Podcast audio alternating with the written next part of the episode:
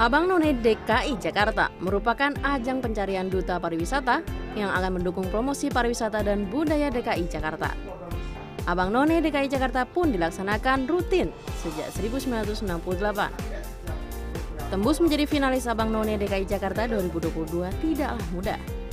18 pasang finalis atau 36 finalis Abang None DKI Jakarta sebelumnya telah melewati proses pemilihan di tingkatan kabupaten, kota administrasi DKI Jakarta. Sehingga yang menjadi finalis Abang None DKI Jakarta 2022 adalah tiga pasang finalis terbaik dari Jakarta Pusat, Jakarta Barat, Jakarta Utara, Jakarta Selatan, Jakarta Timur, dan Kepulauan Seribu.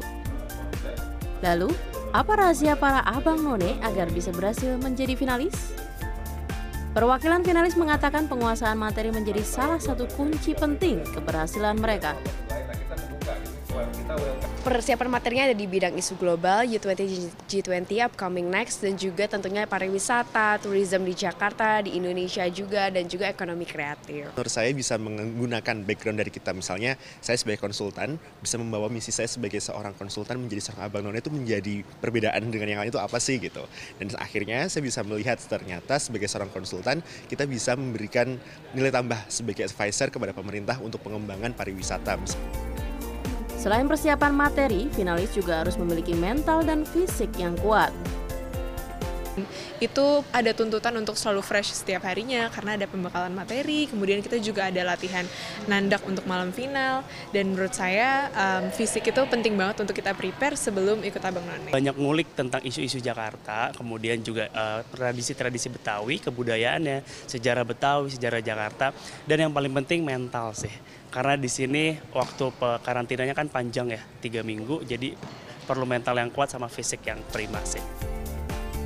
Sementara itu sejumlah juri Abang None DKI Jakarta 2022, Helmi Yahya dan Becky Mardani, mengatakan komunikasi yang baik dan pemahaman budaya Betawi menjadi bagian dari kriteria penilaian untuk pemenang Abang None DKI Jakarta 2022.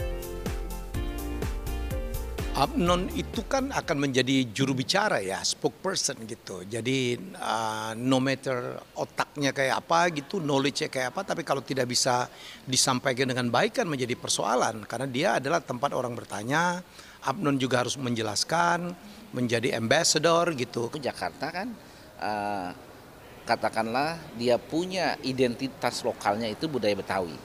Karena itu sebutannya juga menjadi abang dan none. Dan pengetahuan, pemahaman tentang budaya Betawi itu menjadi salah satu nilai. Selain berkontribusi bagi DKI Jakarta, melalui Abang None DKI Jakarta 2022, para finalis juga mendapatkan banyak ilmu dan menjadi tempat mengembangkan potensi diri.